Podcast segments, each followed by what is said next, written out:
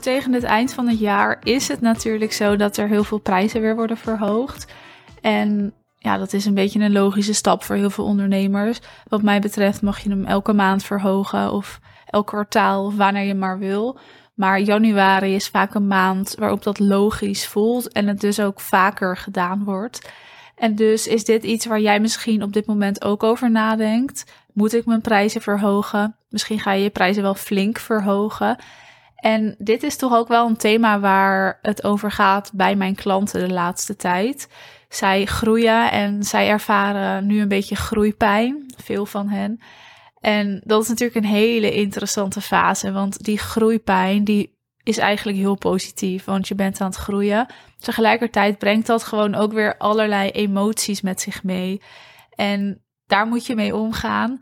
Maar daar komt dus ook een prijsverhoging bij kijken. Want je krijgt een vollere agenda. Meer mensen willen met je samenwerken. En je kan op een gegeven moment niet meer iedereen aannemen. Want ja, jouw agenda raakt ook vol en je wil ook je vrije tijd behouden. Dus is dan een prijsverhoging eigenlijk onvermijdelijk.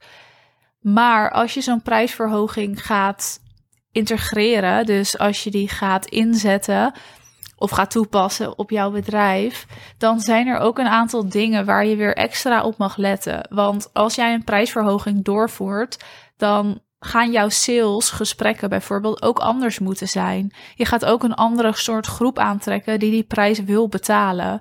En je gaat automatisch een bepaalde groep niet meer aantrekken en juist wegduwen, omdat zij dat niet willen of niet kunnen betalen. En zo'n prijsverhoging is dus heel interessant. En in deze aflevering wil ik het er met je over hebben wat zo'n prijsverhoging doet, maar dan voornamelijk eigenlijk waar jij op mag letten. Dus wat zijn de drie punten die extra aandacht en focus mogen krijgen als jij je prijzen gaat verhogen en als jij dus ook een fikse prijs gaat vragen voor jouw aanbod? En wat is belangrijk bij het verkopen van een hooggeprijsd aanbod? Dat is een hele goede vraag. En eigenlijk komen daar meer facetten bij kijken dan dat ik nu ga benoemen. Want een hoog geprijsd aanbod is voor iedereen iets anders. Maar daarbij komen bepaalde skills kijken. Dus in die skills mag je jezelf uitdagen en verbeteren. En dat is misschien ook wel punt 1. Jouw sales skills dienen anders te zijn bij een hoger geprijsd aanbod. En dat zit hem in twee dingen: in je salesstrategie en in je salesgesprekken. In je salesstrategie wil je persoonlijker te werk gaan als jij een hooggeprijsd aanbod gaat verkopen. Het is zo dat je niet meer massa wil gaan aantrekken, maar juist ook ja, zelf wil gaan selecteren wie is er passend en wie niet. En dat mag je doorvoeren in je strategie. Daarin mag alles wat je communiceert, dus je communicatie in je salesstrategie, ook van hoog niveau zijn. Want als dat niet zo is en als je daarmee gewoon niet rete aantrekkelijk bent, dan kun je ook niet zo'n hoge prijs gaan vragen. Dus alles moet in lijn gaan liggen. Je zou alles eigenlijk moeten upgraden. Je salesstrategie en daarin dus ook de communicatie.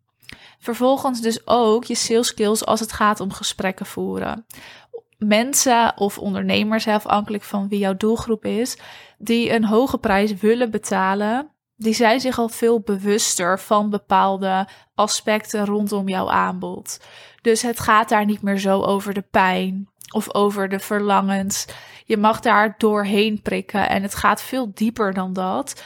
Maar tegelijkertijd gaat het er ook veel meer en alleen maar om of jullie een match zijn, ja of nee.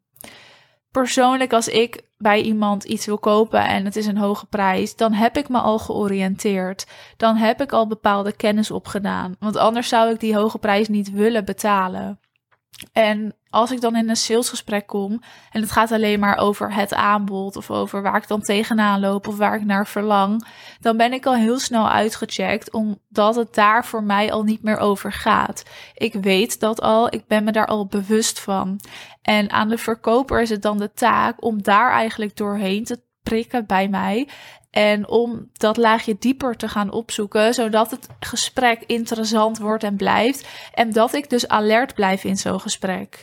En dat ik ook getriggerd word op bepaalde momenten of mezelf weer dingen opnieuw ga afvragen.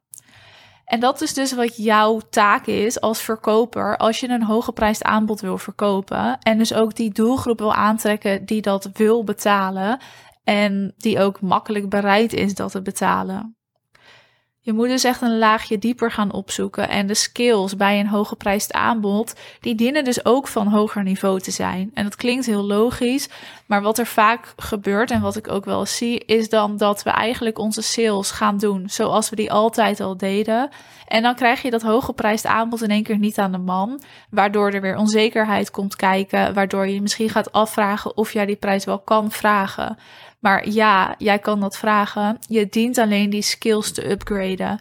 Net als dus de skills in je strategie en de communicatie daarin. Die moeten geupgrade worden en dan ligt het in lijn. Dus dan is het ook logisch dat jij uiteindelijk die hoge prijs vraagt. Wat nog meer, meer focus vraagt als jij je prijzen gaat verhogen, dat is de beleving die jij creëert. En ik heb het best wel vaak over de beleving. En wat ik daarmee bedoel, is dat als iemand bij jou instapt, dan betekent het niet dat het proces is afgesloten. Je mag zelfs zo gaan zien dat het proces dan eigenlijk pas start, of misschien zelfs opnieuw start. Dus een klant die wil bij jou een bepaalde beleving ervaren. En hoe hoger jouw prijs is, hoe belangrijker die beleving wordt. Die beleving die creëer jij door bijvoorbeeld een stukje onboarding en door de klantenreis uit te schrijven in jouw aanbod. En dit is iets waar bepaalde ondernemers niet of nauwelijks of bijna nooit bij stilstaan. Maar wat ga jij jouw klant bieden als die persoon is ingestapt? Naast wat jullie hebben afgesproken en dus naast het resultaat. Maar hoe zorg je voor dat vertrouwen en hoe creëer jij dat? Hoe stimuleer jij dat? Hoe blijf jij de klant prikkelen? En hoe blijf jij de klant soms triggeren? Dat is ook een belangrijk punt. Dus beleving, als jij een hoge prijs vraagt, staat dus heel hoog in het lijstje. En daar mag je echt bewust over na gaan denken. En als je dat nu nog niet doet, dan raad ik je aan om gewoon even jezelf af te vragen: wat is het waarvoor mijn klant is ingestapt en wat wil ik daarnaast nog bieden? En hoe creëer je dus daaromheen een beleving? Als je dit al wel doet, waar ik van uitga dat je er al wel mee bezig bent, dan mag je dit gaan upgraden als jij weer die prijzen gaat verhogen. Dus hoe creëer jij nog meer beleving, nog meer vertrouwen? Hoe prikkel jij die klant eigenlijk elke dag een beetje? Zodat jij en jouw merk ook in het hoofd blijft van jouw klant. En dat die klant aan het eind ook heel tevreden is. En dat jij dus ook langer in het hoofd blijft van die klant dan alleen tijdens de samenwerking. En dat is dus ook hoe jij ervoor gaat zorgen dat jouw klant weer gaat praten en heel tevreden gaat zijn met jullie samenwerking. Dus beleving, als jij een hooggeprijsd aanbod vraagt, staat nog meer centraal dan het al zou moeten staan. En de laatste die ik even wil benoemen. Als jij hogere prijzen gaat vragen, dan mag je automatisch ook selectiever zijn. En selectiever in alles. Bijvoorbeeld in met wie jij werkt en in met wie jij gesprekken voert.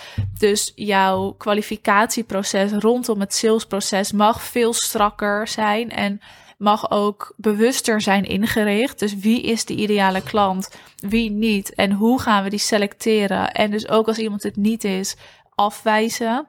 En dat klinkt hard, maar dat mag je gaan doen. Want jouw tijd is waardevol. Jij wil alleen maar werken met mensen die passend zijn, zodat je ook het beste resultaat kan garanderen. En daarvoor zal je soms nee moeten zeggen. Dus dat selectieproces en die kwalificatieproces in de sales, die mag beter en van een hoger niveau zijn. En daar mag je dus strakker op gaan zitten. Dus daar mag je selectief in zijn. Met wie werk je en met wie ga je gesprekken aan maar ook heel selectief zijn in wat zet ik in en wat zet ik heel bewust niet in. Dus niet meeliften op trends, niet iets doen omdat anderen het doen, maar echt in je strategie selectief kijken wat werkt, wat gaan we verbeteren en waar stoppen we mee. Want hoe selectiever jij bent, hoe sterker jouw marketing gaat zijn. En als jij hoge prijzen wil vragen, dan moet jouw marketing gewoon ja, in lijn liggen daarmee. Dus jouw marketing en jouw communicatie moet ook van hoog niveau zijn. En dat kan alleen als jij selectief bent op wat je wel en niet inzet. Zo ook met een team. Met wie werk je wel, met wie werk je niet. Durf ook nee te zeggen of iemand vaarwel te zeggen als het niet passend is. Want jij wil een bedrijf op hoog niveau neerzetten en in de markt zetten. En dat kan alleen als jouw team daarbij aansluit. Dus als jij wil, wat voor mij dus bijvoorbeeld heel belangrijk is, dat jouw team heel flexibel is en snel kan schakelen, dan moet je daar ook de mensen voor zoeken. Dus de mensen in mijn team, die zijn flexibel en die schakelen snel. En ik weet dat ik soms veel van ze vraag daardoor. Maar dat is ook waarvoor zij kiezen en waarvoor zij ja, bewust de keuze hebben gemaakt om met mij te werken. Want dat is ook wat ik aangeef en wat ik vraag. Dus als ik bijvoorbeeld met de New Year's Business Dinner die ik heb georganiseerd. Ja, ik wil dat dan nu online hebben staan. En ik bedenk dat, uh, nou gisteren en vandaag moet het online staan. En daarvoor zullen dingen gedaan moeten worden en moet er geschakeld worden. En dat kan ik niet alleen. Ik kan het wel alleen, maar ik wil het niet alleen. Dus vraag ik eigenlijk mijn team om met mij zo snel te schakelen. En dat wil niet iedereen en dat begrijp ik heel goed. Maar jij mag dus bepalen wat is belangrijk in mijn team en hoe ben ik daar ook selectief in. Hè? Don't settle for less, want dat is echt zonde. Als jij een bedrijf op hoog niveau wil bouwen, dan mag je ook daar selectief in zijn. Dus ook als jij die hogere prijzen gaat vragen, wees selectief in alles wat je doet. Kies wat je doet, kies met wie je je omringt, kies met wie je werkt. Keuzes maken, dat is ook een belangrijk punt. Goed, dat was hem wel voor als jij je prijzen gaat verhogen. Bedankt voor het luisteren. En ja, denk er maar over na. Hè. Wanneer ga jij je prijzen verhogen? En mag jij jouw bedrijf dan ook anders gaan inrichten? Misschien nog professioneler gaan inrichten, zodat het ook weer soepeler gaat lopen. Want al deze punten, dat doe jij zodat het ook soepeler gaat. En dat als jij dus die hoge prijzen vraagt, je ook weet dat jij het beste levert en jij ook op je best bent. Want dat is ook wat jouw klanten dan van jou verwachten: dat jij op het best presteert. Want jij vraagt hoge prijzen en jij belooft iets. Dus moet jij er ook zijn zoals jij er wil zijn. Op je best. Heel benieuwd of jij prijzen gaat verhogen. Dus laat het me ook vooral even weten via de DM op Instagram. Wat heb jij deze aflevering gehaald? Of wat ga jij ermee doen? Hoe ga jij je bedrijf anders inrichten? Je vindt me op Instagram en ik ben daar vooral heel benieuwd naar om daar eens het gesprek over aan te gaan.